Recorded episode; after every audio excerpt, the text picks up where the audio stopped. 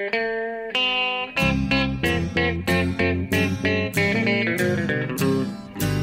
out there, we're on the air. It's hockey night tonight. Tension grows, the whistle blows, and the puck goes down the ice. The goalie jumps and the players bump, and the fans all go insane. Someone roars, Bobby scores at the good old hockey game. Oh, the good old hockey game is the best game you can name. Hallå, hallå, hallå, hallå, hallå, hallå, hallå, hallå, hallå, hallå, hallå, hallå. Yes, hallå hallå med extra en fas. Eh, för nu när vi, Jonathan Ekeliv, där ni hörde i Stockholm, och mig Per Bjurman spelar in det 344 avsnittet av denna NHL-podcast så börjar temperaturen verkligen stiga. Vi är bara ett par dygn från opening night. Vi är klara med den förbaskade försäsongen och eh, ska nu Ja, vi ska ge oss i kast med den första riktiga NHL-säsongen sedan 2018-2019 och eh, vi, vi nördar, vi börjar bli riktigt eh, spralliga nu, eller hur? Ja, nu, nu kan man knappt sitta still. Vi får se här om vi, eh, om vi lyckas hålla oss lugna under den här podden eller om vi, det blir någon slags eh, utsvävningar och utspel och att vi springer runt och vad vi nu håller på med. Jag vet inte. Ja, du får inte gå ut mitt under. Nej, jag kan inte, nej, det kan jag faktiskt inte göra. Jag måste faktiskt sitta någorlunda still här. Det, det, Ja. det blir utmaningen. Nej, men absolut, det är man oerhört eh, spänd på. Och som du säger, att det är den första liksom, 82 matchers normala någorlunda säsongen på, på ett bra tag. Ja, vi hoppas ju det. Man, eh, eh, vi ska väl inte svära på någonting. Vi har fått lära oss att man vet ingenting. Nej, det är visserligen sant. Ja, det är andra... Det är ju liksom andra podden på eh, en vecka det här. Vi körde ju förra avsnittet redan i början av den här veckan, men eftersom det nu är så tajt så vill vi få ut det här innan, innan säsongen börjar. Och det är för ovanligt det skulle en söndag vi, vi gör det här. Du sitter där på Södermalm i Stockholm, där det också är grått antar jag, och jag sitter på ett Manhattan där det verkligen är grått idag. Jaså, okej. Höst- det- Ja, Hösten har kommit till New York nu. Det är tyvärr så. Just det, annars brukar du skryta med så här på försäsongen att det fortfarande är en, eh, upp mot 20 grader där du sitter och så kollar man ut här och så är det liksom eh, 8 grader och regn. Liksom.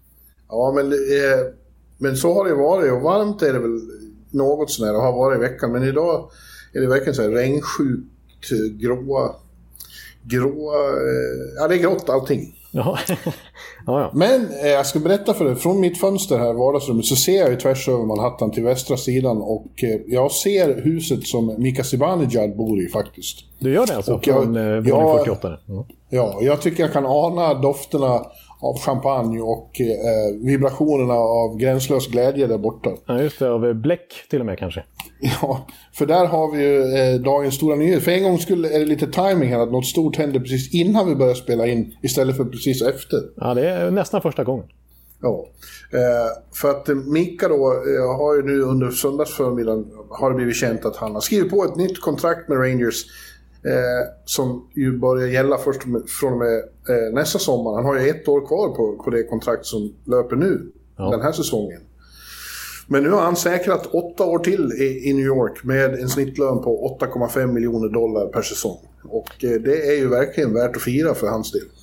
Verkligen alltså. Han vill naturligtvis stanna på Manhattan där han ju blivit, om inte kung, för det finns väl en annan kung på Manhattan, eh, det är svårt att, eh, att säga, men han har varit skyttekung åtminstone som vi har på framsidan av NHL-bibeln. Han har vunnit skytteligan i Rangers tre år i rad och nu får han stanna då. Åtta års kontrakt och eh, zoomar man ut lite så har det ju varit, alltså hur ska Rangers egentligen gå vidare med centersidan? Både Ryan Strome och Mika Zibanejad med utgående kontrakt och rykten om Jack Eichel och så vidare. Så att jag har känt mig lite osäker på Mikas framtid i Rangers trots succén senaste åren. Men nu har man verkligen... Det här är Ja. ett statement. Det här är ju, nu är han ju första center här för ett bra tag framöver.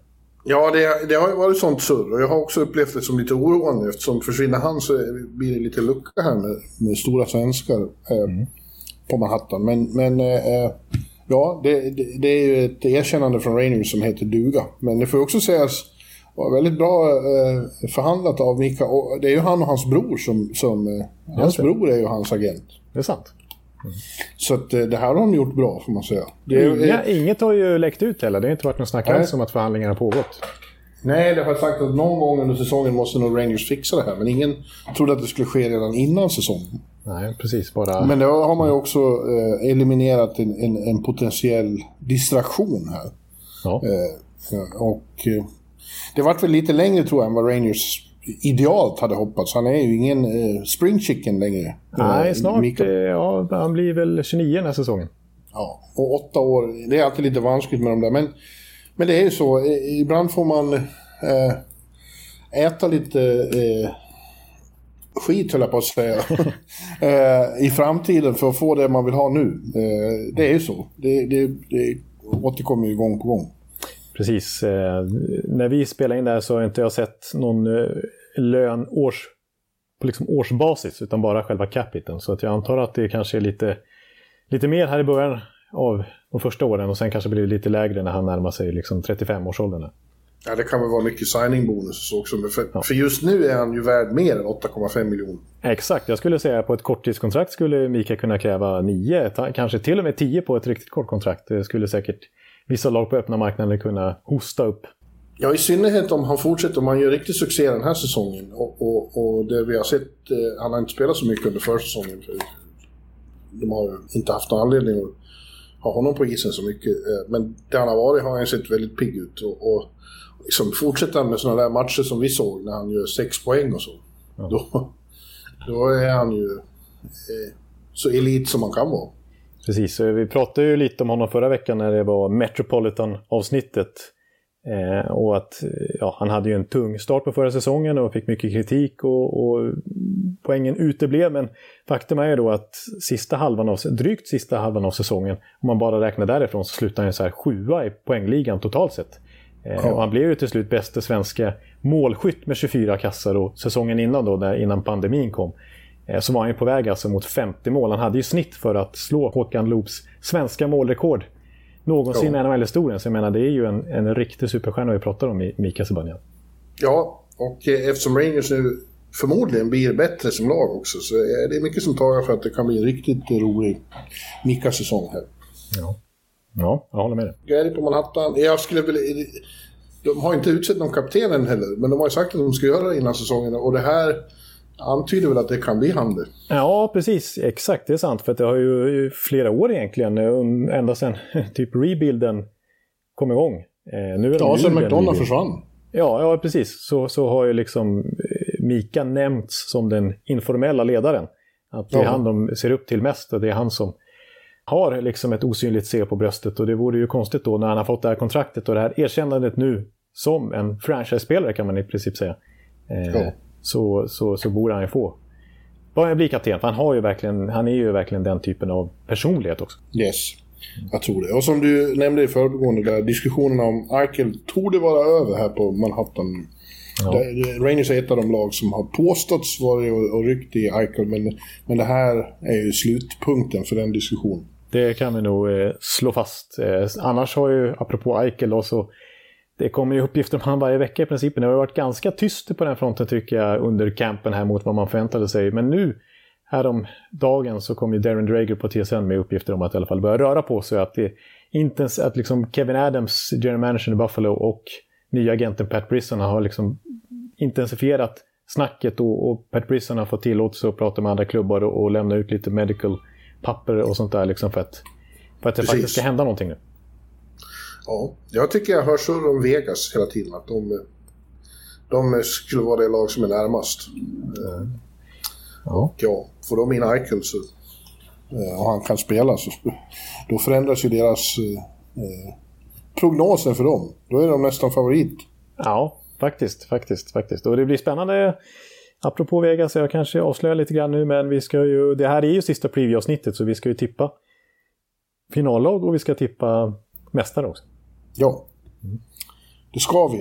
Eh, och eh, det har hunnit hända en del annat också eh, sen bara på de dagar som har gått som vi spelade in sist. Eh, dramatiska nyheter från Montreal var det ju som vi diskuterade i första avsnittet när vi gick igenom Atlantic. Då utgick vi från att ett av, av eh, få tecken som tar för, för Montreal är ju då att Carey Price fortfarande står i kassen. Men, men eh, han meddelade ju nu, det var ju väldigt oväntat, att han, har, eh, han lider av mental ohälsa och bett om hjälp och ska in i ett eh, program och få hjälp med det eh, och bli borta åtminstone en månad har det sagts, men det skulle jag tippa blir längre än så.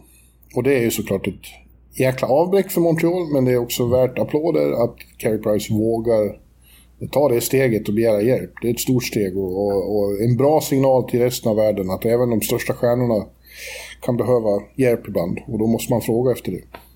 Precis, det är, verkligen. Det var som eh, Paul Maurice i Winnipeg, eh, coachen där, uttryckte det. Kanske lät lite konstigt eh, först när jag sa jag, jag är glad för den här nyheten och då menar han ju naturligtvis inte att Carey Price lider av psykiska problem, men att han faktiskt söker... det hade varit hårt. Nej. Nu blir de lättare att slå. Jag är glad för det här. ja, visserligen så hade man kunnat tolka det, men sen så var det noga med att poängtera att, att han faktiskt söker hjälp. Då. Ja. Eh, och att det verkligen skickar bra signaler. Det är ju en riktig fixstjärna, Carey Price. Och det här visar ju att liksom, vem som helst kan drabbas av det här och, och saker pågår under ytan, men att man faktiskt sträcker ut en hand och söker hjälp istället för att hålla det inom sig. Ja. Ja, det är tråkigt förstås på många sätt för honom och för laget men också viktigt och bra att mm. ta tag i. Men så får vi se vad det innebär då. De har ju eh, Jake Allen. Ja, som de kämpade hårt för att eh, slippa bli av med expansionsdraften. Så att de har ju, han gjorde en bra säsong i fjol som backup till Carey Price och delvis starter en, en period under våren. Eh, och så Sam Montenbow är väl den gamla Florida-keepern som såg någorlunda vass ut där ett, en period, inte etablerad på något sätt på NHL-nivå, men det är ju inte en helt eh, oduglig backup heller. Nej. Nej, i övrigt kan vi konstatera att försäsongen nu är helt över. Eh, lördagskvällens eh, eh, matcher var de sista träningsmatcherna och eh, thank God, säger jag. ja. Eh, för att eh, ja, försäsongen är, är det är verkligen inte mycket att hurra för. Alltså, det är tråkiga matcher att se som inte betyder någonting. Och jag tycker det är alldeles för många. Och i år har de ju dessutom lett till onödigt mycket skador. Vi nämnde väl ja, redan så. tidigare att, att uh, Los Angeles Kings främste prospect, vad heter han? Quinton uh, Byfield. Byfield. Quinton Byfield. Han bröt en ankel och fot. Han blir borta under lång tid. Ja, precis. Uh, men även Ovechkin har ju skadats och Ryan Reeves här i, i, i Rangers Ja. Helt meningslöst. Varför, ja, att man vill spela... Quinton Byfield är väl en sak. Han är ju rookie och behöver väl... Men att eh, förlora Alexander Ovechkin i en träningsmatch, vad är det för någonting? Nej, precis. Nu får vi se hur allvarligt det är som sagt. Och än så länge är det bara day to day, men, men ändå. Alltså, det känns ju så onödigt. Igen. Ja. På plojnivå i princip för säsongen jämfört med när, det när de spelar om poäng. Ja. Jag pratade med Erik Karlsson efter San Jose sista match igår och han sa att för mig är de här matcherna, det är, det är hålla, hålla sig undan kvällar. Så, ja, så för jag, jag har varit med för så länge så jag har sett att folk har blivit skadade i sådana här matcher det vill man verkligen inte bli.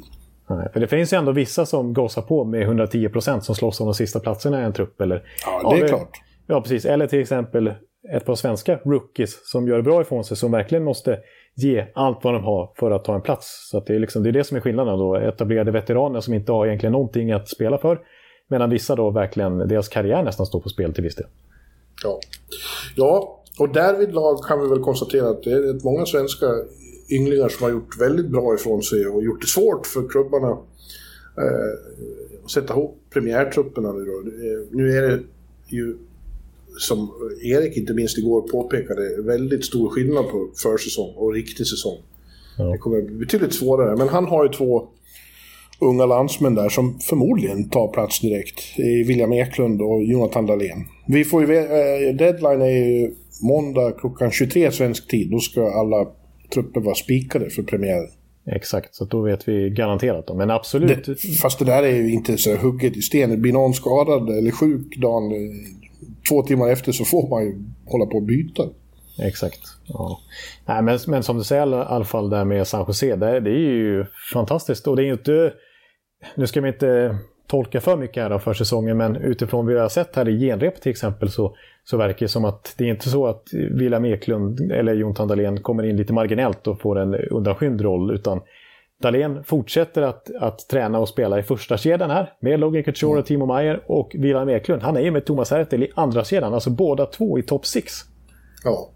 Ja, det har sett eh, riktigt bra ut. Men man får väl bara slänga in den brasklappen då, att ingen ska bli förvånad om det blir svårare att producera. De har ju producerat mycket också, ja. snygga mål. Så det kommer inte vara lika lätt när det, när det liksom...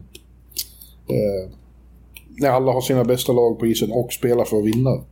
Precis, exakt. Det är, det är stor skillnad. Men eh, fler svenskar, alltså Lucas Raymond som jag nog utgick från att han skulle få inleda i AHL, trots att konkurrensen inte är stentuff i Detroit precis, så brukar det vara Icermans och Red Wings-modellen att ta det lite lugnt med, med sina unga spelare, speciellt när man kommer över från Europa och liksom är helt ny på, på den nordamerikanska kontinenten. Men mm. eh, Raymond har ju i princip varit bäst av alla Detroit-spelare, veteranerna inkluderade. Eh, och ja. gjort mer än en poäng per match här på försäsong. Ja. ja, han kommer nog att få chansen direkt. Eh, likadant är det med hans kompis Alexander Holtz i New Jersey, tror jag. Ja, eh, kan bli så. Mm. Och eh, Nils Lundqvist i Rangers, det verkar ju vara planen att de vill ha honom och Nemet eh, tillsammans i tredje backpar. Även om Tinordi har, har eh, gjort intryck också. Eh, det, han blir sjätte eller sjunde back, så kan man säga, från, från start. Ja, ja exakt. Ja, exakt. Sen en, en jätteskräll för mig också, det är ju att Jakob Pettersson, eller Petersson, eh, i eh, Dallas, alltså eh, för detta Frölunda-Färjestad-forwarden, eh, ser ut att ta en plats också i Dallas och fått väldigt fina vitsord där från Tyler Segle bland, bland annat och coach Rick Bowden. Så kanske får inleda. Han spelar genrepet ihop med Tyler Seguin och Alexander Radulov.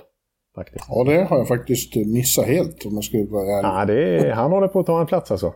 Och, och, vi ska visserligen prata Dallas här senare så vi kan komma in på det mer då. Men eh, Seguin säger ju att eh, han, har liksom, han har försökt hjälpa honom lite så här, men kommit fram till att det behövs ju inte. Den här killen har ju lirat några år i SHL och, och på seniornivå och han är inte mottaglig för min, mina tips utan han har ju redan koll på det. Det här är ju, en, det här är en, eh, inte en vanlig rookie. Det här är en riktigt bra spelare. Ja. Ja, så är det Oskar Larsson i Colorado då. Ett svårt lag att slå sig in i, men han har också haft en väldigt fin försäsong. Kommer förr eller senare att få chansen. Precis, han har, kommer inte få starta säsongen i Colorado, men har verkligen visat framfötterna för att få chansen under vintern. Ja. Ja, eh, lovande, får man säga. Men du, eh, nu ska vi avsluta det vi har börjat med vår season preview. Eh, och vi har ju då Central Division, den kanske bästa ja. divisionen kvar. Och jag börjar nästan bli i huvudet. Det är ju så att uh, det här är inte precis det enda uh, vi gör inför NHL-säsongen vi hade.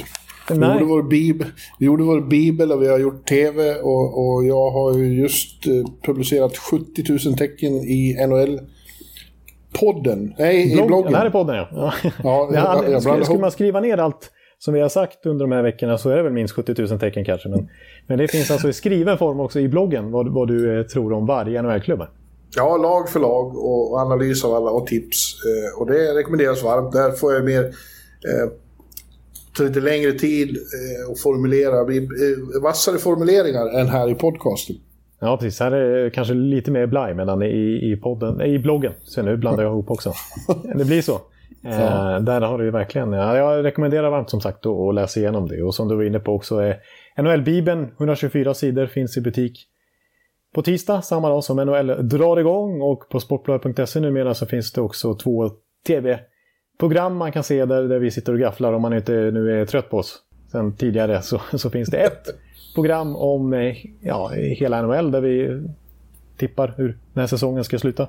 Och så finns det ett program enbart om New York Rangers eftersom att eh, de vann en tittaromröstning då. Eh, vilket, vilken NHL enskild NHL-klubb ska vi spela in ett program om? Och det blev Rangers. Eh, ja, det är bara att ta del av. Det, det är minst sagt mycket. och... Eh, ja, men vi ger oss väl i kast med det här nu då. Ja. Först i Central är ett lag som inte har tillhört Central förut, utan det uh, var i Pacific, men eftersom Seattle dök upp så fick Arizona Coyotes uh, byta och spela nu i Central. Får lite längre resor därmed. Ja, ja de är uh, nog inte helt nöjda med det bytet. nej, en svårare division och, och längre resor österut hela tiden. Just det. Och de kommer att få det väldigt tufft, tror ju vi. Eller jag tror, och jag utgår från att du tror det också. Du, det tror jag också. Jag tror snarare om att eh, de är med onekligen i kampen här om att sluta sist. Ja. Och att de nästan vill det dessutom. Ja. Ja visst, det är ju så att eh, efter några år, en, det är ju en evig evergreen det här. Att de har några år när de ändå ser okej okay ut och, och, och, lyckas vara med och ta sig till slutspel någon gång och spela lovande hockey. Men sen blir det alltid något knas och så blir det en rebuild till och nu är det en riktigt eh, eh, eh grundlig rebuild som har inletts igen. De har ju gutted the team. De har liksom slagit sönder det de hade förut eh, och tar in eh, lite veteraner och lite utfyllnad som får, stå, som får finnas där tills de har börjat fasa in nya unga spelare.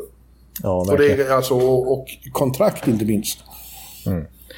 Ja, ja, precis. Alltså de, de har ju varit NHLs stora kyrkogård för dåliga kontrakt den här sommaren. Ja. Det, ja. det var ju i Oliver Ekman Larsson-traden där så bytte de till sig Louis Erikssons kontrakt, Jay Beagle, Antoine Rosell, sådana som Vancouver ble, ville bli av med för att frigöra löneutrymme.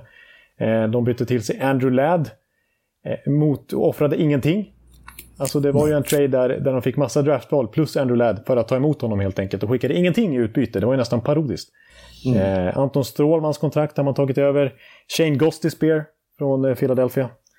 Eh, så ja, det har ju verkligen varit... Eh, och så har de samlat på sig en väldans massa draftval, vilket ju onekligen signalerar rebuild eh, monumentale här. Alltså, man har tre första runda val i den kommande 2022-draften.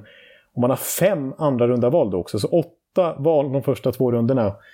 Ja, snacka om skillnad som du var inne på mot eh, hur det såg ut bara för något år sedan. När det, när det var, eller för, förra säsongen helt enkelt. För att då hade man ju precis tradat till sig Taylor Hall och man hade bytt till sig Phil Kessel och så vidare. Eh, mm. och, och, i den draften efter den säsongen så att säga så hade man eh, bara fem draftval totalt sett. Eh, och ja. bara det första blev i tredje rundan och det fick man sen stryka för att man tog en spelare som visade sig vara mobbare ja, det var ju skandalös off-season ja. överhuvudtaget då för Arizona. Men snacka om stor skillnad. Från att liksom, den rebuilden skulle vara färdig och man började addera sådana som hål för att liksom, få till krona på verket och ta sista steget till att nu börja om totalt från början. Ja, det säger något om hur, hur ledningen ser på, på den här säsongen. Att de har gjort sig av med tre utmärkta målvakter i Darcy Kemper, Antti Ranta och Adam Hill. Och istället tänker låta Carter Hutton stå. Precis, Carl Hutton som kan vara den, enda som har utmanat Marty Jones som sämste första keepern. Ja, precis. I, alltså, i exakt, som eh, inte ens Buffalo tyckte var tillräckligt bra. Liksom. Alltså, de gick vidare från honom. Han, han, han, fick ju stå ett gäng matcher, eh, verkligen. Han var ju liksom... När Ullmark var skadad så var det ju Hutton de vände sig till i, i Buffalo förra säsongen. Han vann en match. En match. Under förra säsongen. Ja.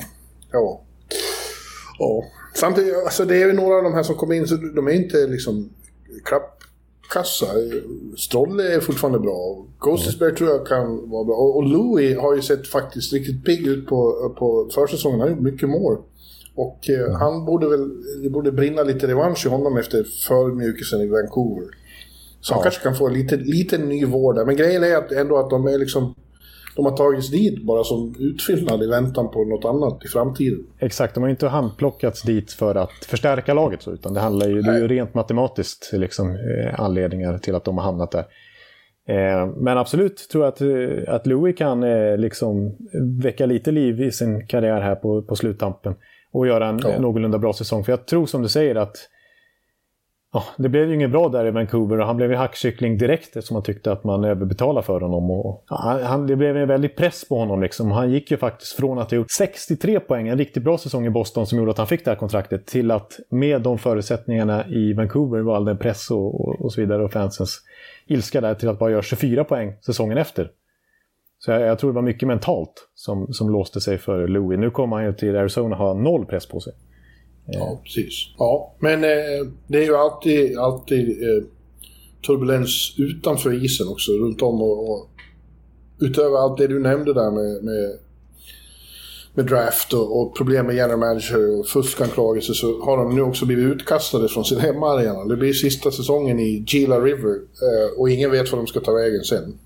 Nej, just det. Vilket innebär att ett hot om flytt återigen hänger över organisationen.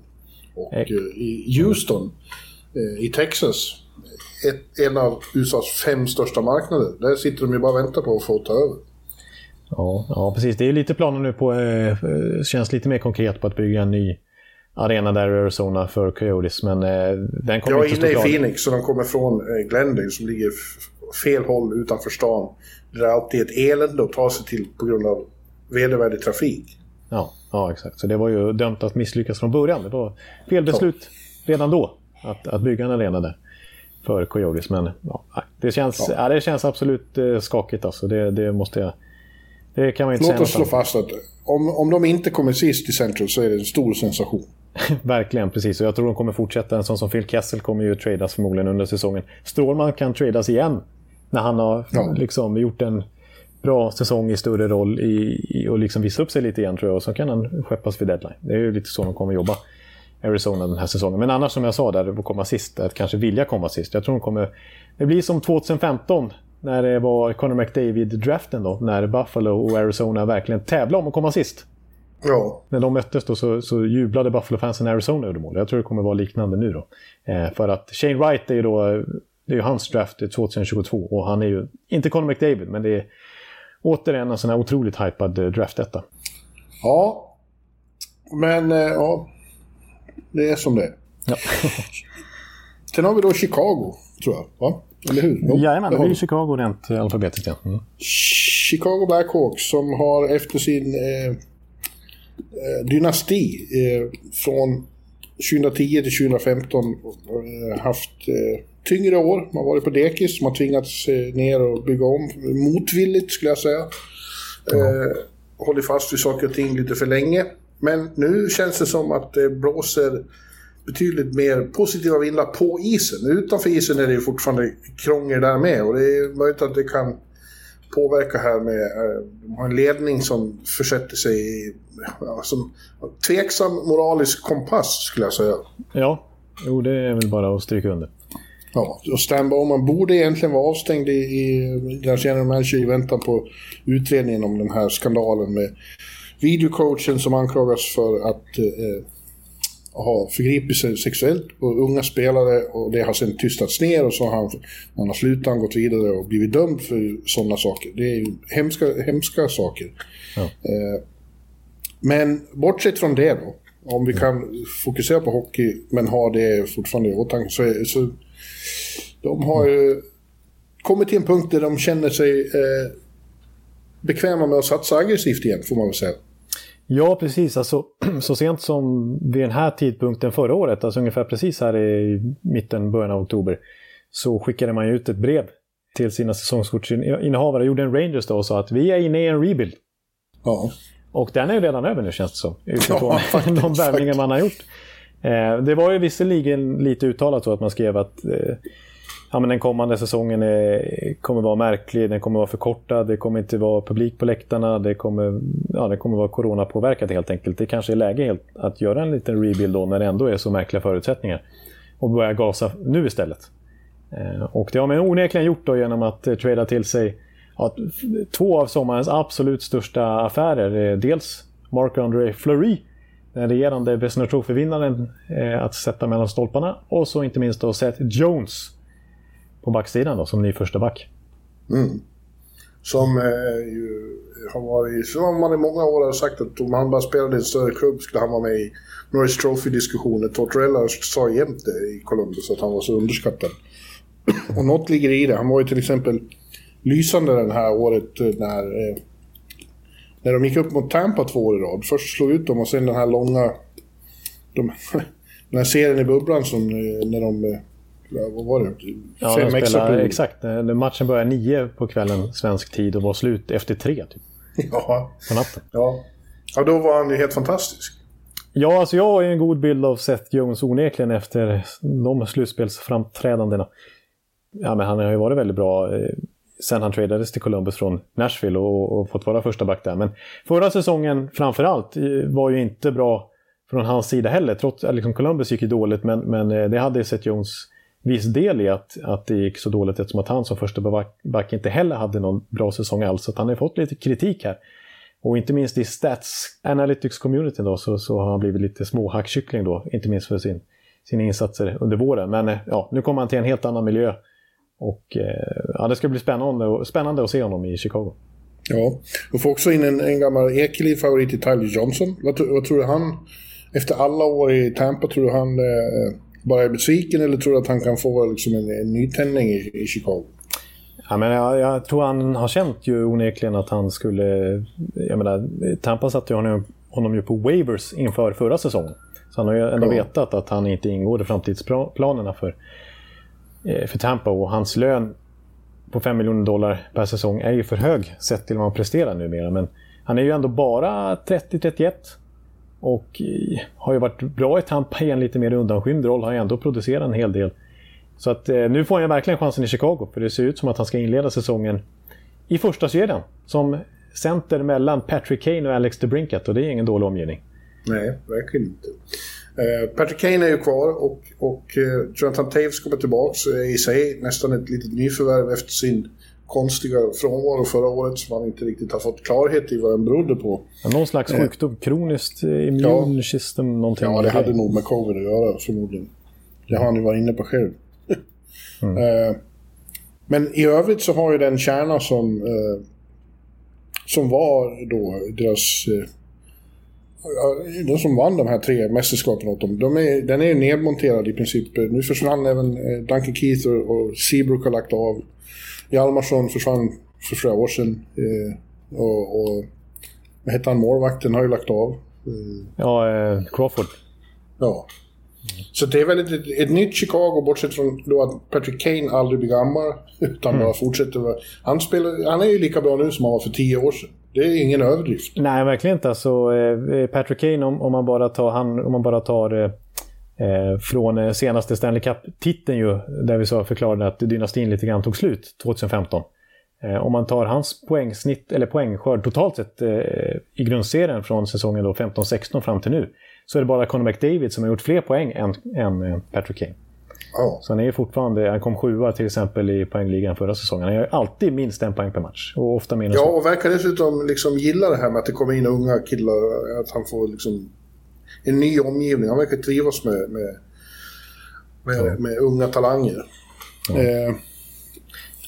Ja, jag, jag, jag, nu ska man verkligen inte övertolka försäsongen. Det måste vi ju. Det har vi slagit fast hundra gånger. Jag ska inte gå i den fällan igen. Men jag såg lite highlights från eh, matchen mot Minnesota, deras genrep här om natten. Och eh, deras första PP där när Tays har kommit tillbaks. Och Tyler Johnson slängdes faktiskt in där. Och så Alex DeBrincat och Seth Jones på backen.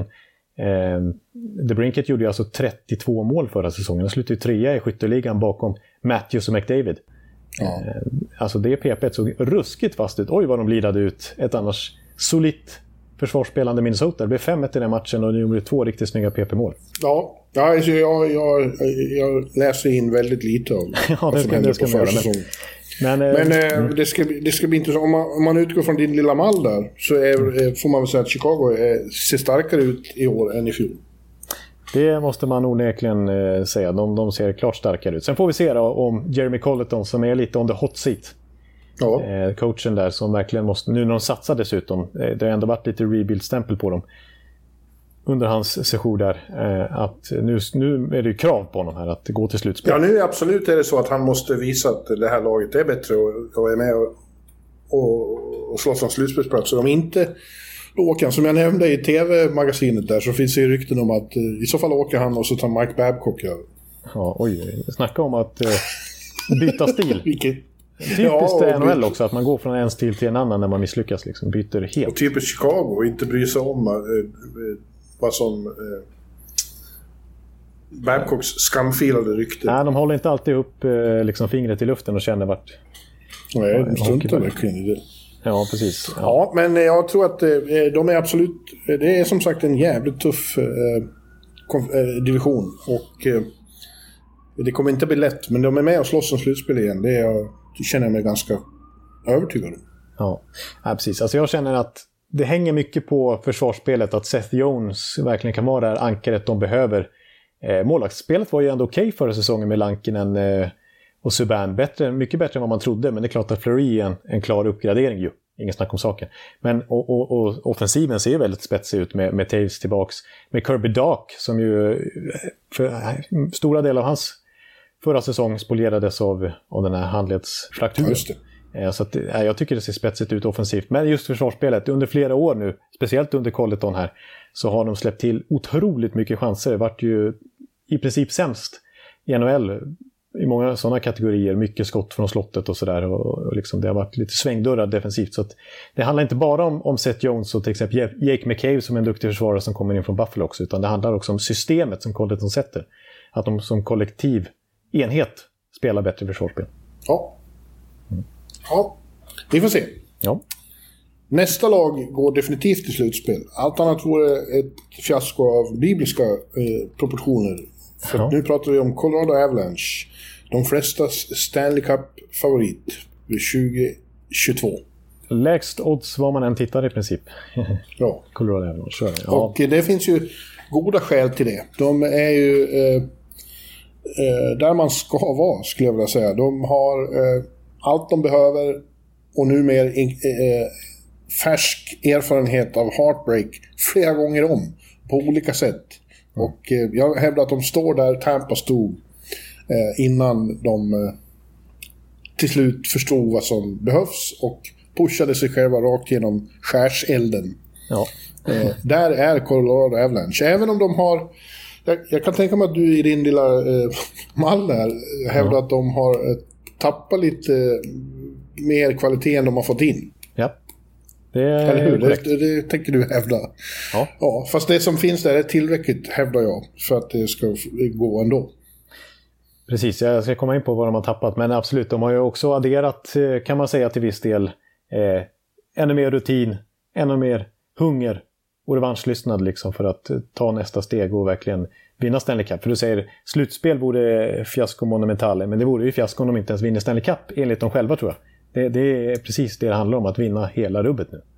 Ja, ja det, det, kan inte vara, det kan ingen hymla om. Nej, precis. Och sen så, det är ju inte nyförvärv så kanske i den bemärkelsen att man har tagit in spelare utifrån. Men, men man har ju lite unga spelare som får som fick känna på det lite förra säsongen och som får större roller nu. Kanske en sån som Bowen Byron, otroligt spännande back som de draftade väldigt tidigt för några år sedan. Och Alex Newhook, också första runda val här om året som, som avslutar förra säsongen bra och ser spännande ut och får chansen från start nu istället.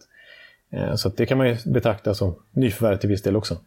Eh, Men eh, sen, som, som du var inne på att jag skulle komma in på, så har de ju tappat Brandon Saad, som jag säger. Ja, och de har tappat Jonas Donskoj till Seattle i expansionsdraften. De tappade ju Ryan Graves, som de annars var rädda för att tappa expansionsdraften och skickat honom till New Jersey.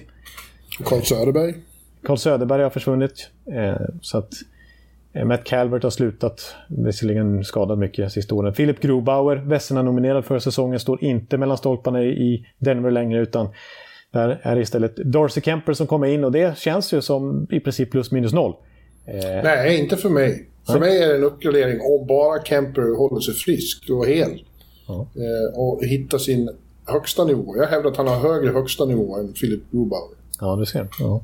Det också dock lite risker i och med att eh, Kemper är i samma situation i år som Grobauer var förra säsongen. Eftersom att eh, det är sista året på kontraktet för Kemper nu och han kommer kräva en rejäl löneförhöjning om han blir UFA.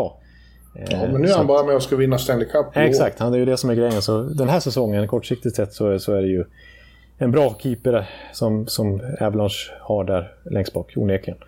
Ja, jag hävdar ju då att det, är, det, var, det här är bra. Därför att eh, de dolda svagheter som ändå blottades i, i serien mot Vegas, när de först vann en match och så förlorade fyra raka, det var ju väldigt oväntat.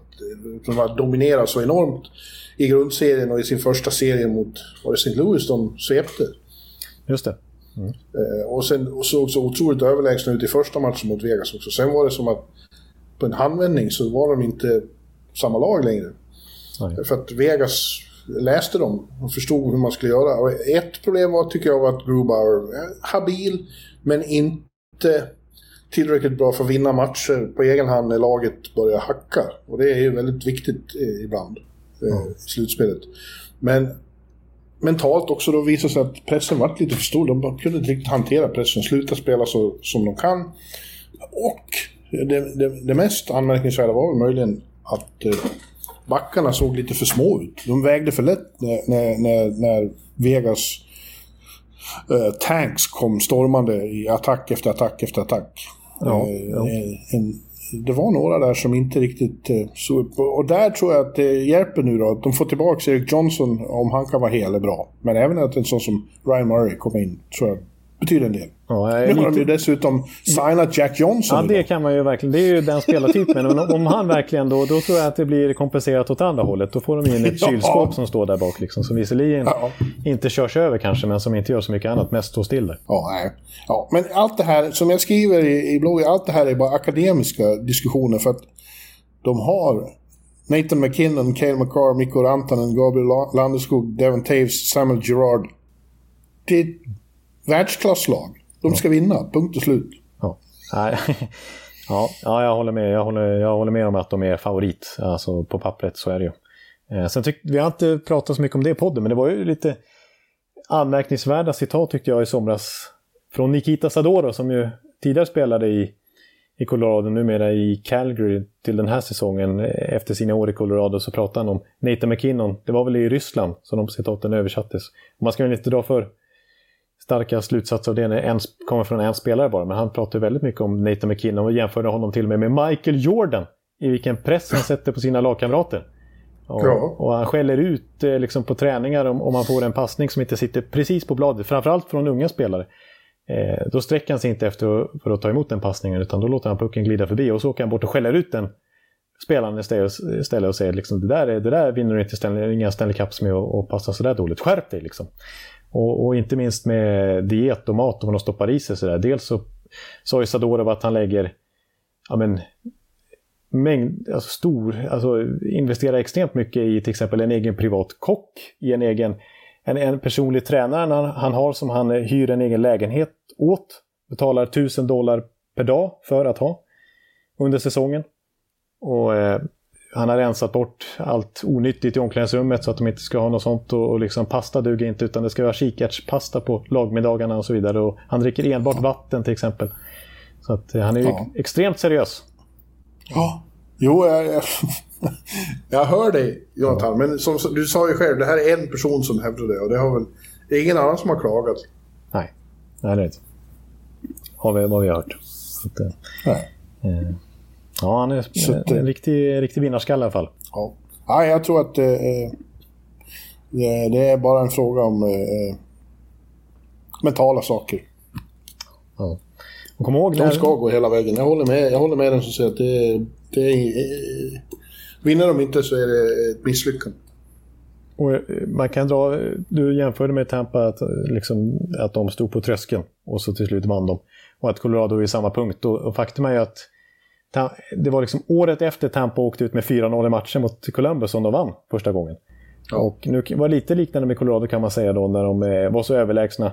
Och sen plötsligt torska fyra raka efter två. De vann ju två första matcherna mot Vegas och sen fyra raka torsk. Att det skulle kunna Ja. vara nu de har lärt sig. Och, Ja, den där smärtan och den där eh, frustrationen, det, den använder ju kloka lag till att omvandla till det, det mest explosiva bränslet. Och det tror jag de kommer att göra nu. Ja. Ja. Ja.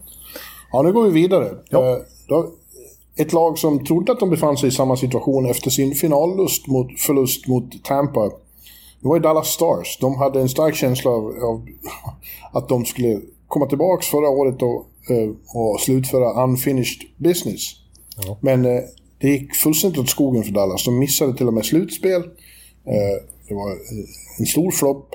Men det finns ju väldigt... Det fanns ju förklaringar till det. Eh, Covid var ett problem för alla lag, men ingenstans var det större problem än, än i Dallas. De fick verkligen säsongen förstörd av, av eh, upprepade möten med, med covid-viruset. Ja, och dessutom långtidsskador på Tyler Seguin och på Alexander Radulov direkt också. Ja. Nej, det var, det var en riktigt strulig vår i, eh, i Ja, jag tror att det, då, eh, Stars kan sätta, dra ett streck över den här säsongen och tänka på att det här är fortsättningen. Det är nu eh, de får chansen att konkurrera på rimliga villkor och kan ta revansch för den här förlusten. De var ju ohyggligt besvikna efter eh, finalförlusten mot eh, Tampa. Det är, sällan sett ett lag, alla är ju knäckta. Men jag har inte sett... Ja, det var Rangers då, Henke. Det var samma liksom besvikelse hos Jamie Benn och, och, och Tyler Seguin. De var helt knäckta. Och nu, nu, ja, jag tror lite på Dallas. Alltså, nu, hävdar jag att Colorado ska vinna, men jag tror att Dallas kommer bli ett formidabelt hot mot dem. Precis, och deras hockey passar ju slutspel har vi sett också. Var ju och störde St. Louis rejält 2019 också när St. Louis vann eh, Stanley Cup. Då var det ju overtime i Game 7 som avgjorde till Blues fördel. Ja, de har också varit med om tillräckligt många sådana här hemska förluster nu, så det börjar bli dags. Ja, och på ett sätt tror jag att den här eh, struliga våren kan ha varit en liten blessing in disguise för Dallas till den här säsongen. För att det gjorde ju att unga spelare som man kanske inte trodde var redo för större uppgifter verkligen var tvungna att bli det och eh, motsvarade, mer än motsvarade förväntningarna. Onekligen, alltså inte minst då Jason Robertson. Som eh, gick och, och konkurrerade med Kaprizov om att vinna Calder Trophy, vilket ju inte du minst du vet om ja, jo. jo, det fanns i alla fall en som tyckte att han skulle ha den. Det ja. var jag. Ja, precis. Och sen så Rope Hintz då som gjorde mer än en poäng per match förra säsongen. Snacka om succé. Och nu när Radulov och eh, Segen är tillbaka så känns det nästan som att de har två liksom, duos som formar nästan varsin första kedja. Alltså, menar, Segin Radulov Segen har tappat visserligen lite grann, men Radulov börjar med 12 poäng på 11 matcher förra säsongen, så han är knappast slut. Och sen dessutom då den nya superduon i Hintz och eh, eh, Robertson. Så har de dessutom Ben och de har Pavelski och så vidare. Och till, ja. dessutom Jakob Petersson då uppenbarligen. Ja, det är svårt att säga att Seguin är slut. Vad fan, han spelade bara tre matcher i fjol. Ja, precis. Och gjorde två mål på dessa. Ja. ja. Sen har de minst sagt bra förspänn på målvaktsfronten också. Eh, ja. De har knutit till sig så många målvakter som man blir happy. De har alltså både Kodubin, Brain Holtby, Ben Bishop och Jake Oddinger som ju också var väldigt bra i fjol. Ja. Eh, och grejen med det är ju att de har ju, sitter med, med, med bra kort inför trada. Liksom. Det kommer att vara lag som behöver målvakter och är det någon som kan eh, skaffa sig liksom bra utbyte för en målvakt så är det Dallas. Precis, alltså Arizona skulle ju gladeligen ta emot två av dem där och få en mycket bättre målvaktssida. Eh, oavsett vem de tar från Dallas egentligen. Ja, och så kommer Phil Kessel och, och eh, Anton Strålman in och, och vinner Stanley Cup med Dallas. Ja, just det. Nu tror jag visserligen inte att Arizona vill ha några bra målvakter, för de ska ju komma sist. Men, eh, ja, nej, nej, precis. Det verkar som att det blir Holtby och Khudobin då. Ja, som ben Bishop är väl skadad i vanlig ordning. Precis, Ben Bishop eh, verkar ju liksom inte ge upp karriären utan eh, eh, vill liksom göra comeback här. Och problemet är bara att eh, aktiveras han från, från långtidsskadelistan där så hamnar de över lönetaket.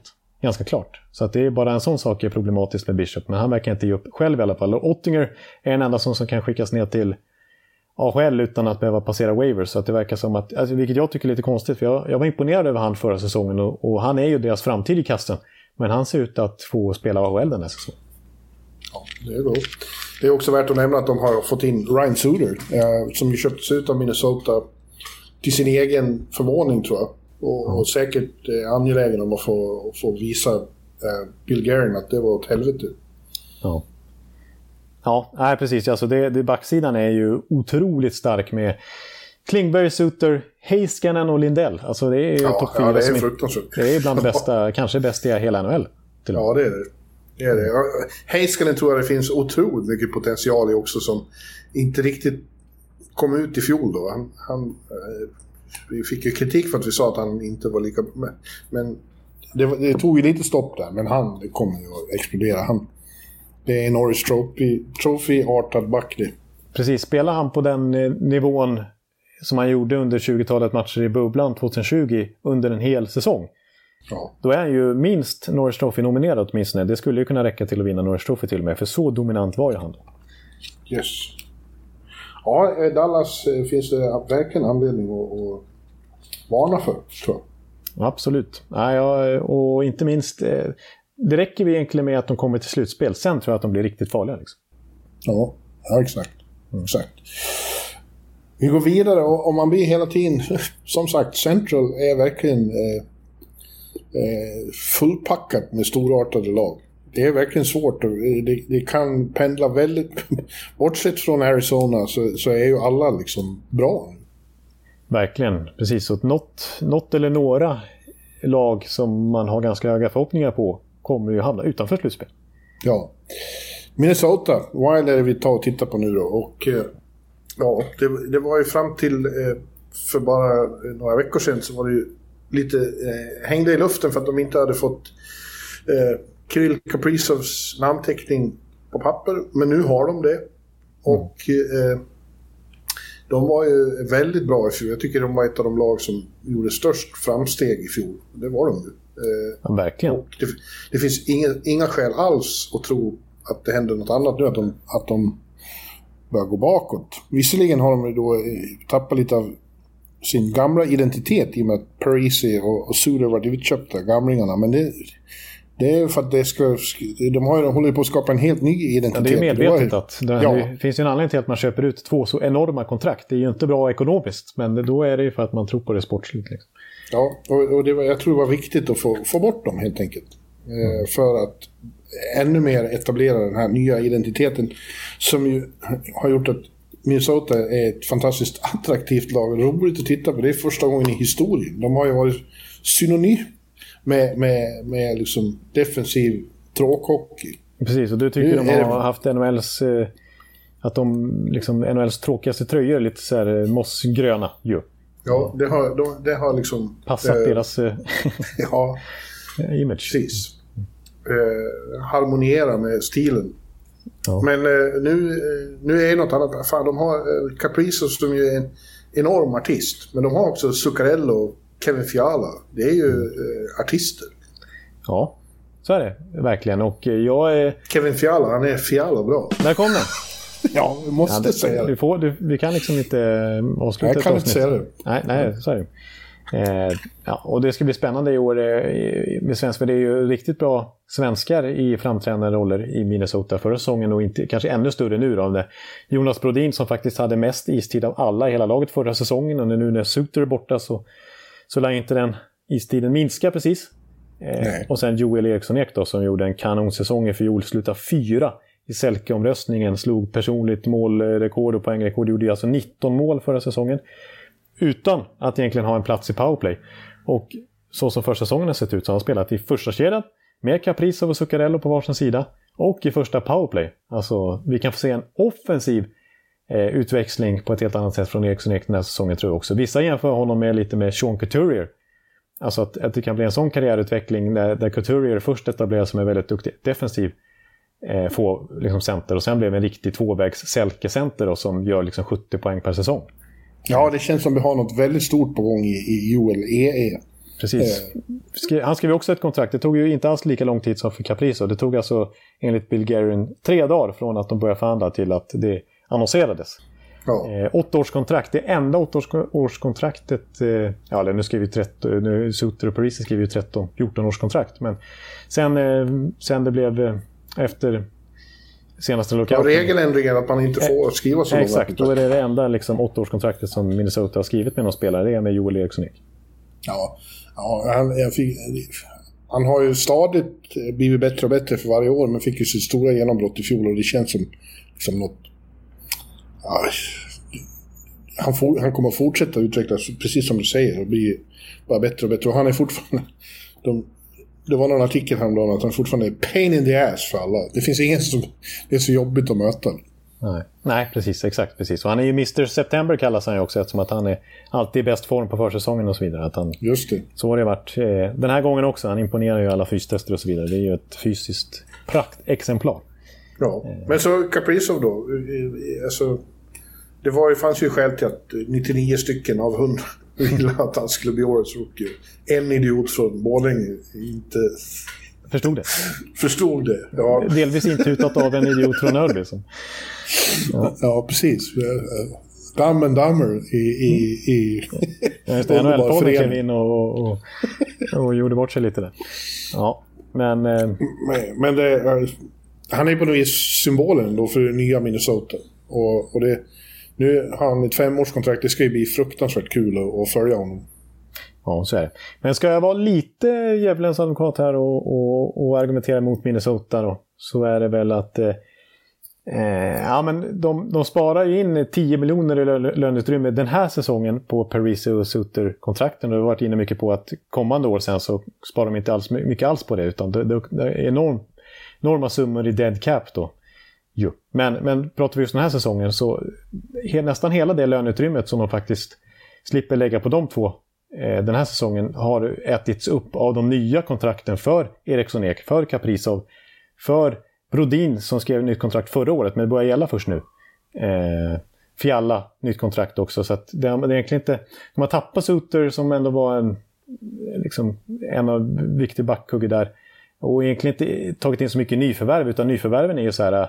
Ja, Fredrik Gaudreau och så här, Rem Pitlick som har ju noll NHL-mål som de claimar på waivers här från Nashville. Och det är Alex Goligoski visserligen som ju kan väl ersätta ja. Eh, Suter till viss del och sådär. Men eh, eh Ja, det, det, jag skulle inte säga att det är ett på pappret bättre lag än förra säsongen. Däremot kanske Nej. vi ser en bättre utveckling på många av de här nya kärnspelarna. Lika bra skulle jag säga. Ja. Och med, med stor uppsida. Ja. Ja, eh, Minnesota är med och slåss om slutspelsplatser. Trust me. Ja, jag, håller, jag håller absolut. Jag har tippat dem på slutspel kan jag avslöja redan nu. Och jag tycker Dean Everson har satt ett väldigt bra system där också, coachen. Ja, han är lite anonym men, men uppenbarligen väldigt bra. Precis. Billy, Billy Garen är en aggressiv eh, handlingskraftig general manager. Ja. Det, är, det är mycket bra. Precis. Och om vi sa att Chicago var det lag som var absoluta botten där när det kommer till att släppa till farliga målchanser så var ju Minnesota det lag som släppte till minst antal skott från slottet förra säsongen. Så det är verkligen eh, stängt där runt Kekkonen och Kent Talbot i, i målburen. Ja, inte minst tack vare Jonas Brodin som både du och jag nu har som Victor Hedmans partner i Tre Kronors första backpar. Just det, när det bankas OS i februari. Mm. Ja. ja. Eh, Nashville Predators är ett av få lag som man eh, tycker inte har rosat marknaden eh, här under off-season och, och, och, blivit sämre. Eh, ett mm. topplag i Central i en följd av år nu, men det tror jag den, den eran känns som den är över. Ja, så är det ju. Och eh, deras moves den här sommaren har ju delvis indikerat lite så här rebuild-stämpel i och med att de har skickat iväg, skickat iväg Ryan Ellis mot två unga spelare i Philip Myers och som visar sig bli Cody Glass efter ytterligare en trade med Vegas då. Eh, och eh, Viktor Arvidsson mot ett par draftval. Och eh, ja, Pekarinne har slutat. Ja. Så att men samtidigt... Men, också... men, men David Poyle, general manager, som har varit där i 23 år ja. Han, han, han dementerar ju att det är en rebuild. Det är ingen rebuild alls. Utan, han säger att en, ja, han väl, om man ska använda rebuild, som sagt, att då vill han kalla det för en competitive rebuild. Ja, och det fattar inte jag vad han menar med. För att han har gjort sig av med Ryan Ellis, Viktor Arvidsson, Kalle Järnkrok och i viss mån då Pekarinne, även om han slutar. Och inte tagit in inte ersatt någon av dem med, med fullvärdiga spelare. Nej, Nej precis. Och, och, så här, och samtidigt... Ja, och samtidigt är det liksom, det är precis, det är verkligen mellanting mellan rebuild och att fortsätta satsa. För att samtidigt får Mikael Granlund ju ett nytt kontrakt. Eh, han har fortfarande inte tradat Filip Forsberg eller Mattias Ekholm, men samtidigt inte skrivit något nytt kontrakt med dem. De har ju utgående, blir UFAs nästa sommar då. Om det inte ja, ska det bli svenskfritt i Nashville? Är det vad du säger? Det, det kan ju bli så. Ja. Vad hemskt. ja, det, det är ju din, en av dina absoluta favoritstäder. Det blågula ja, laget dessutom. Ja. Eh, ja jag, jag, alltså Arvidsson förstår jag ingenting av. Hur han... Varför han släpper... Viktor... När Viktor blir helt frisk och kan spela en hel säsong så är, har vi en, en 30-målsman där. Ja, absolut. Det har han ju visat tidigare och han är ju absolut inte gammal än heller. Han kommer att göra bra succé bredvid, bredvid Ansi Kopitar. Sanna mina ord. Ja, absolut. Ja, det var vi inne på i Pacific-avsnittet att vi, vi, vi tror på 30 mål. Ja. om han är skadefri. Uh, ja, Nej, men... Alltså, samtidigt sitter de ju på några omöjliga kontrakt som de inte blir av med. Det skulle varit mycket lämpligare att trada bort Matt Duchene och Ryan Johansson, men de blir de inte av. Nej, precis, det är det som är problemet och som gör att jag tycker Nashville har också, och David Poyle, det är ju delvis, eller det är ju hans eget fel i och med att det är han som har skrivit de kontrakten, men som gör att Nashville har typ bland de svåraste situationerna överhuvudtaget i NHL tycker jag. För när man eh, spenderar 16 miljoner dollar på Matt Duchene och Ryan Johansson som spelar som att de är värda 4 med 4-5 miljoner dollar max eh, sammanlagt eh, senaste säsongen här. Eh, då är det ju jättesvårt. För man har, inte, man har ju begränsat löneutrymme och då kan man inte lägga så mycket pengar på spelare som inte bidrar. Och de är helt otradebara. Det går ju inte att genomföra en rebuild fullt ut, en, en rebuild, om, man, om, om, flera av de här nyckelspelarna inte går att bli av med.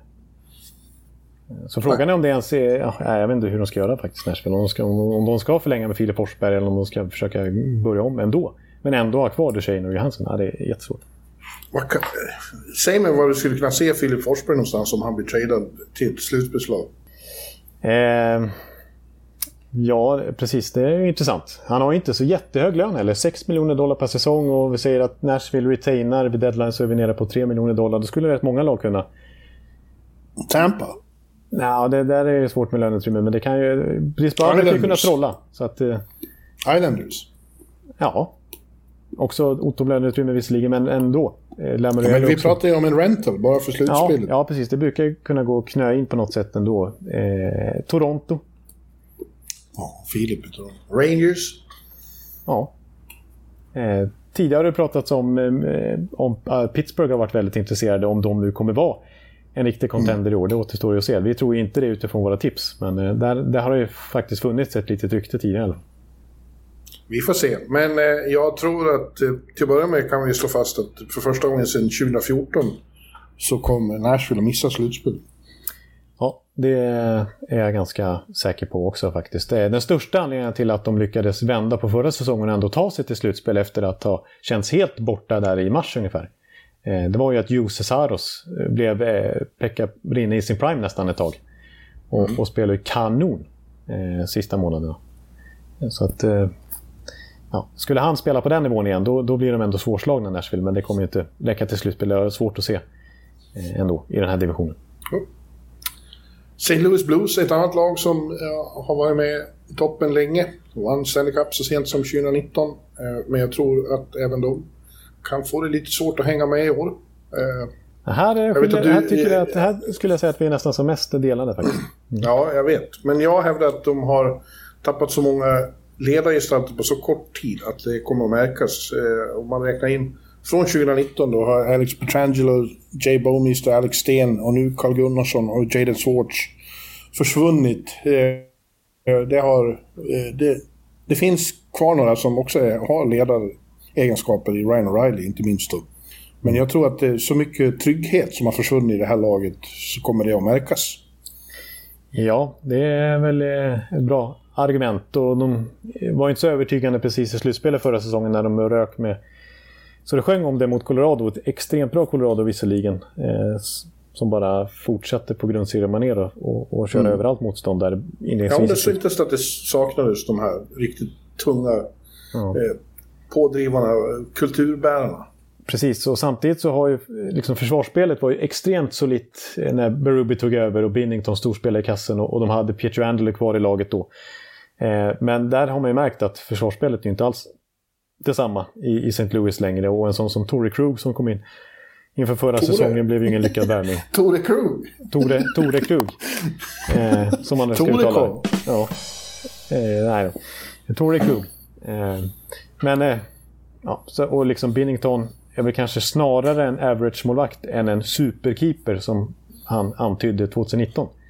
Missouris egen Matt Murray, säger jag. Ja, lite bättre skulle jag vilja säga. Han var ganska bra i fjol ändå.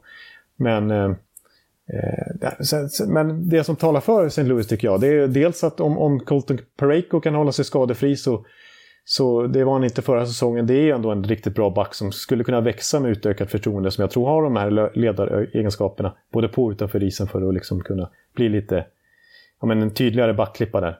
Eh, och sen så, inte minst offensivt då, där vissa St. Louis-fans hävdar att de har sin bästa forwardsida på hela 2000-talet. Där ju eh, ja, men Pavel Busjnevich har kommit in efter en poäng per match i Rangers förra säsongen. Eh, Brandon Saad som varit inne på Colorado har ju hamnat i St. Louis nu istället. Mm. Och sen och har James ju... Neal. James Neal, the, the real deal, har skrivit på. Han vart ju signad på PA. Hans ja. PTO varit lyckad, så han fick ett ettårskontrakt. Precis, och sen så, men kanske inte minst eh, anser jag då, eh, om vi kan få se ytterligare utveckling på några av deras unga spelare som visar väldigt goda tendenser i fjol. Inte minst Jordan Cairo som jag tror har potential att bli en point per game-spelare i NHL och kanske redan kommande säsong. Och så Robert Thomas som också hade lite skadeproblem i fjol. Skulle kunna bli en väldigt solid topp 6-center eh, kommande säsong. Eh, så att eh, de har ju väldigt bra djup på forwardsidan och potentiellt väldigt bra spets också med med eh, de jag har nämnt. Och så O'Reilly är ju kvar naturligtvis. David Perron som slutar väl topp 20 i hela poängligan förra säsongen i NHL. Eh, Brady Chen är bra också. Så att det Och så Vladimir Tarasenko är ju faktiskt kvar. Eh, ja, kan ju vara en men... distraktion. Eh, men... Ja, han har ju begärt, begärt trade då, men har inte, det har inte blivit något av med den. Ingen, ingen vet riktigt hur det ska... Idealt är det ju inte. Nej, men... spelare kvar. Precis, åtminstone utåt sett så har han krupit i korset och, och verkar liksom eh, liera sig med resten av spelargruppen nu igen. Men eh, skulle det vara så så har de ju väldigt mycket sparkapital där också. Det kan ju bli ett problem som sagt, men det kan också vara ett enormt sparkapital med tanke på att han knappt har varit frisk och spelat match, match överhuvudtaget sedan 2019, kuppen där. Så en, en, en gammal hederlig Vladimir Tarasenko är ju en jätteinjektion också. Den ensamma svensken kvar är Oskar Sundqvist, men han får börja på sidan om. Han eh, har ju opererat både knä och höft under off-season. Så det dröjer innan han... Han är också en av de här kulturbärarna där. Just det. Ja, jag envisas med det. Jag tror att det blir svårt. ja. Vi får ja. vara eniga om att inte vara eniga. Vi får vara det och, och på min eh, bättre sämre då kanske du säger neutralt eller lite sämre medan jag säger lite bättre. Ja. Ja, vi får som sagt få stå ut med det. Ja. ja. Då har vi bara ett lag kvar av de 32 vi... Ja, vi har gått igenom 31 nu då sammanlagt och står nu vid sista laget som är Winnipeg Jets.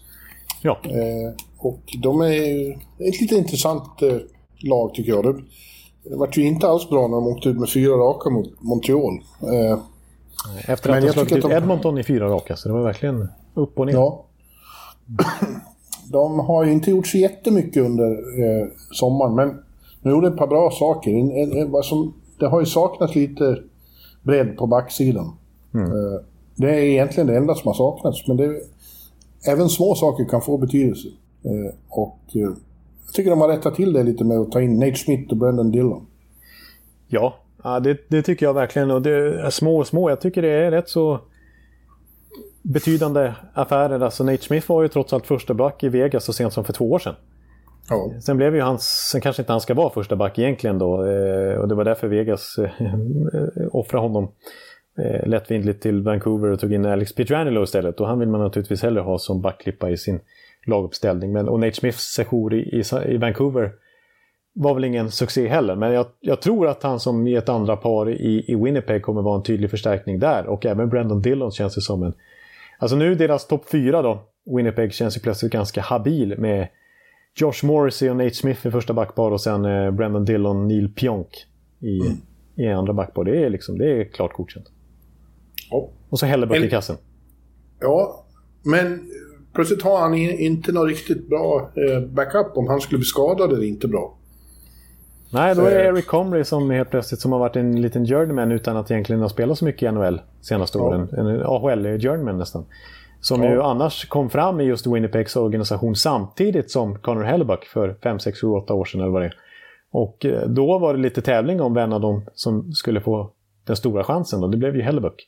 Så att eh, en gång i tiden en ganska stor målvaktstalang och nu till slut tillbaka i Winnipeg som backup till just Helleback. Så att, eh, ja, lite osäkert kort, men vi har ju sett målvakter liksom utvecklas sent också. Nedeljkovic förra säsongen till exempel. Eh, Binnington ja. apropå St. Louis. Mm. Ja.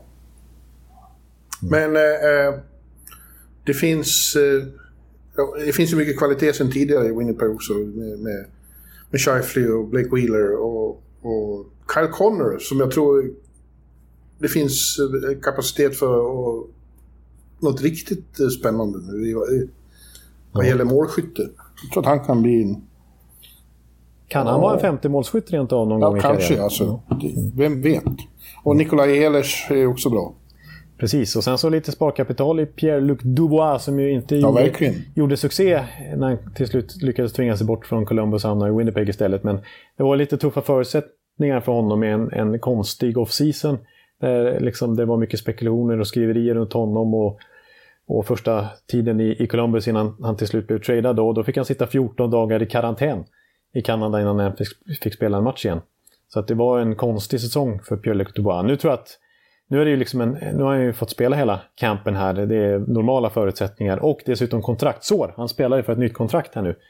Så att jag tror att det kommer vara en, en väldigt motiverad eh, Pierre-Luc Yes. Ja, men du. Ja. Då har vi Central fixat också. 32 lag skärskådade. Ja. Eh, men vi ska säga hur det slutar också i Central. ja, vi ska Ja. tippa dem. Ja, dra din tabell först. Ja, jag har etta Colorado, två Dallas, tre Minnesota, fyra Winnipeg, femma Chicago, sexa St. Louis, sjua Nashville och åtta Arizona. Det enda jag är helt säker på är, är, är att Arizona blir åtta. Ja, ja exakt. Eh, Och att Colorado vinner kanske. Ja, fast som sagt, jag, ja, jag, tror ju det. Men jag tror också att Dallas kan bli ett problem för. Ja, min, eh, jag har tippat så här. eh, Colorado 1, Winnipeg 2, Minnesota 3, St. Louis 4, Dallas 5, alla de fem lagen till eh, slutspel då. Två wildcard-lag i den här divisionen. Sen Chicago 6, Nashville 7, Arizona 8. Ja. Med eh, lite, jag känner, får en lite så här eh, Dark Horse-känsla även på Chicago. Att de skulle kunna gå till slutspel och, och ställa till det lite med sina värvningar. ja, det är hårt. Det är ett getingbo. Ja. Ja, men nu, nu när det här vår sista, vårt sista preview-avsnitt så ska vi också tippa Stanley Cup-final och lite annat. Jag kan ju dra vad jag, jag har ju redan gått ut med här i, i, i bloggen då. Jag tror att det blir Stanley Cup-final mellan Colorado Avalanche och New York Islanders. Jag tror att Colorado vinner har jag sagt, men med 4-3 för att jag tror att Islanders är en formidabel motståndare där. Återigen en sån här snöplig Game 7 Ja, torsk då för, för Islanders precis på målsnöret. Mot Ja, den ja. blivande... Det skulle bli tredje året i rad de torskar mot den blivande mästaren. Dessutom. ja. Men nu i finalen dessutom. Ja, fast det, jag, jag, jag svär inte på det. Det kan vara Islanders som vinner med 4-3 också. Och där, jag trodde jag stack ut lite med Islanders-tipset, men det gjorde vi kanske inte då med tanke på att du också har dem i final. Jag har ju sagt Islanders mot Vegas i final och att Islanders då tredje gången gillt faktiskt vinner den här säsongen. Ja. Ja, det känns inte alls omöjligt. Jonte. Ja, precis. Och Vegas, det är inte med att jag räknar att de ska trada till Jack Eichel, men om de dessutom gör det, Ja. då känns ju Vegas som en stark finalkandidat. ja. Jag har ju några första, första utmanare i öst för mig är Florida Panthers. Andra utmanare är Tampa Bay Lightning och Dark Horse jag kallar Philadelphia Flyers som man inte vet vad man har alls. Eh, första utmanare i väst eh, Vegas, andra utmanare Dallas Stars och Dark Horse Vancouver Canucks. Ja, just det. Du, är, du, är, du och, och ditt Vancouver. Ni, ni fortsätter att hålla ihop. Ja, Ja. ja.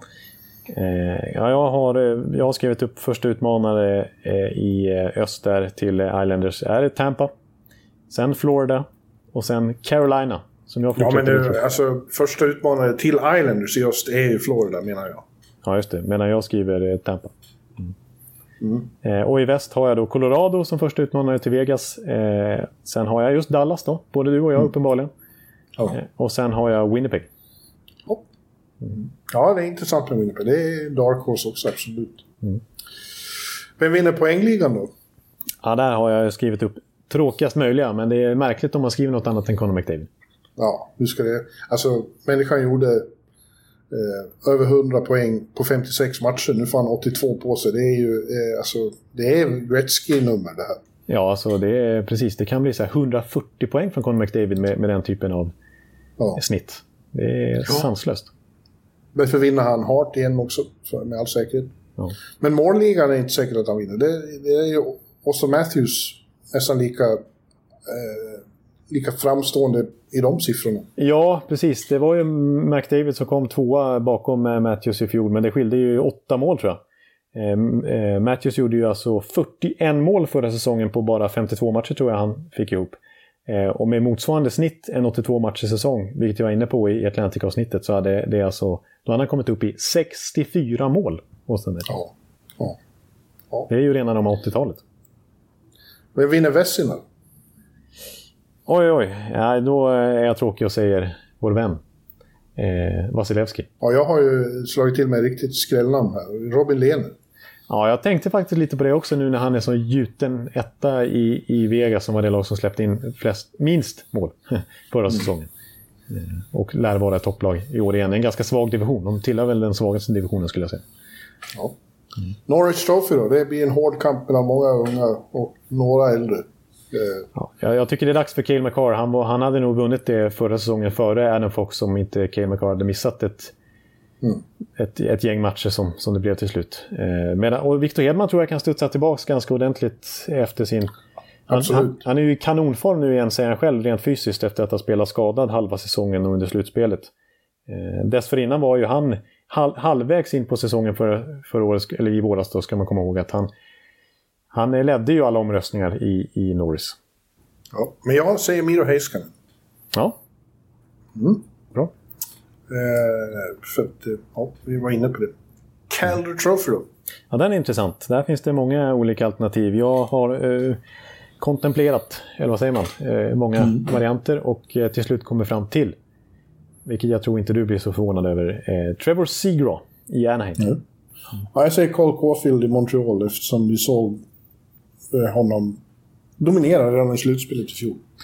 Ja, han kommer ju få en eh, framskjuten roll från start här nu i, i eh, Montreal. Det är väl han som har lägst odds tror jag faktiskt också på att bli eh, ja. i, i Nordamerika. Där, att, Men det, det, vi har ju några svenskar som kan blanda sig i också. Det har vi pratat om redan. Ja. Eklund och Dahlén och, och Lucas Raymond. Vem vet? Ja, precis. Och sen så vill jag höja varningens eh, finger onekligen att det kanske kan bli en målvakt som, som vinner priset också i Spencer Knight om man skulle Absolut. ta första spaden från eh, Bobrovski, vilket inte alls är otänkbart, kanske till och med troligt. Och, och Florida har vi ju höga förhoppningar på.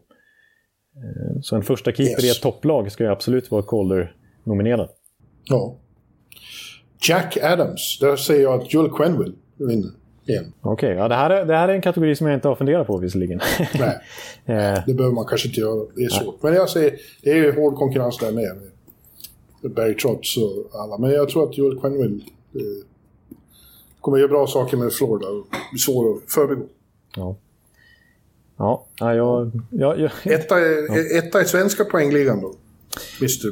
Ja, i poängligan har jag faktiskt satt eh, Elias Pettersson. Ja, jag med. Ja. Och i målligan har du satt Mika Zibanejad. Ja, precis. Alltså, som ju eh, trots stökig start alltså vann svenska målligan förra säsongen och året innan då som jag var inne på skulle ha gjort över 50 kassar. Då, med, med det ja. snittet. Så det vore dumt att inte sätta Mika känner jag nu när, när Rangers dessutom gasar ytterligare den här säsongen. Eh, men Elias mm. Pettersson som poängkung satte jag bara för att...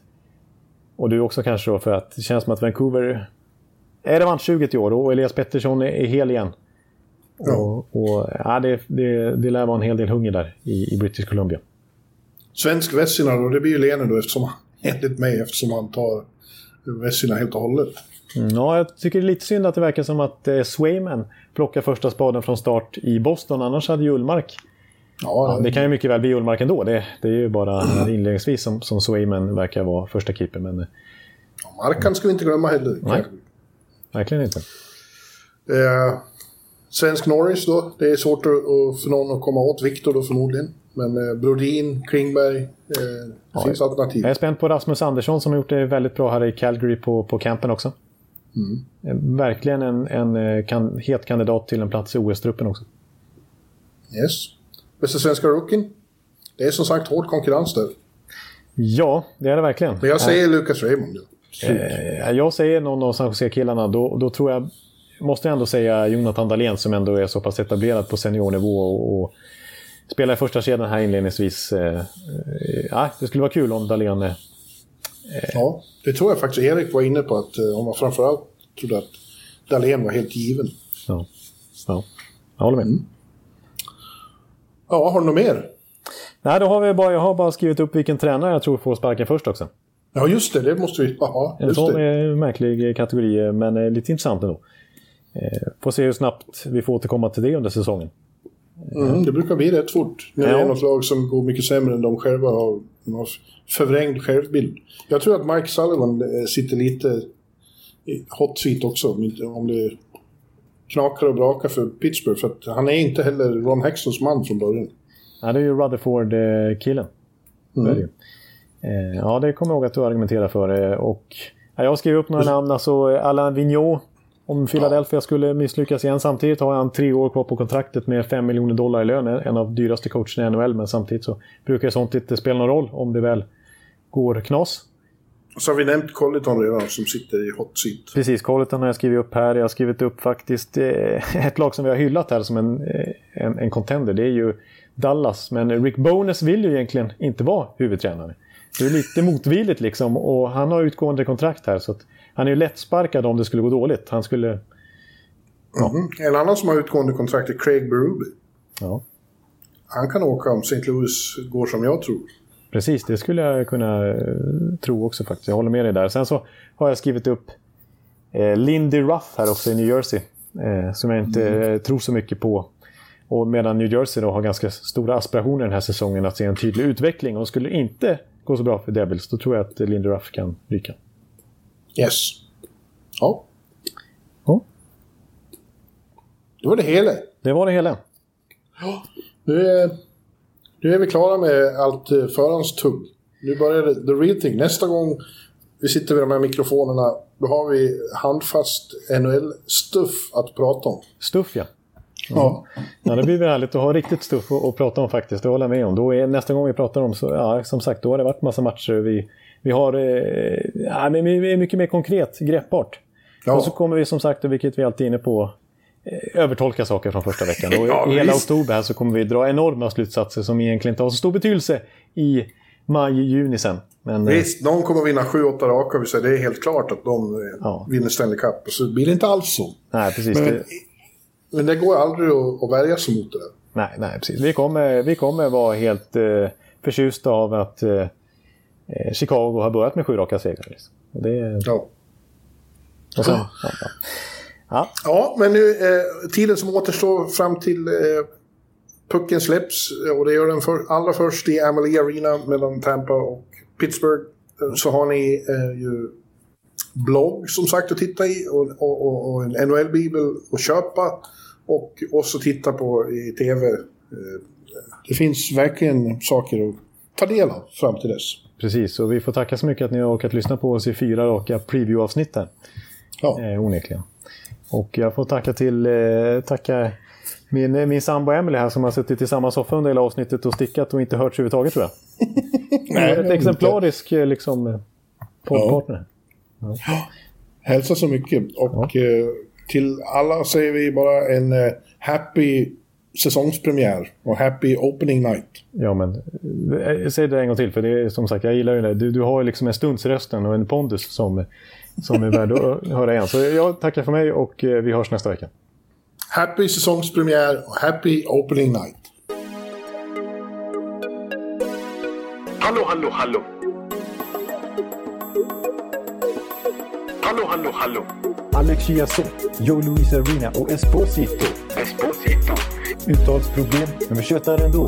Och alla kan vara lugna, inspelningsknappen är på. Bjuder Hanna Kohl, han är grym i sin roll. Från Kållesoffan har han fullständig kontroll på det som händer och sker. Det blir ju allt fler som rattar in hans blogg. Och lyssna på hans podd. One, two, times speed, so Hallå, hallå, hallå. One, two, times speed, so Hallå, hallå, hallå. Ekeliv, som är ung och har driv. Verkar stor och stark och känns allmänt massiv. Han hejar på Tampa och älskar Hedman. Sjunger som Sinatra. Ja, och där ser man. Nu är det dags för refräng. Dags för magi, Victor Norén. Du är ett geni. Så stand up at home and remove your hats. Höj volym, för nu är det plats. One, two, times speed, so Hallå, hallå, hallå. One, two, times speed, so Hallå, hallå, hallå. One, two, times speed, so Hallå, hallå, hallå. One, two, times speed, so Hallå, hallå, hallå. Det er utroligt længe siden mor, der samtidig trods har råd. Hallå, hallå, hallå. Det er utroligt længe siden mor, der samtidig trods har råd.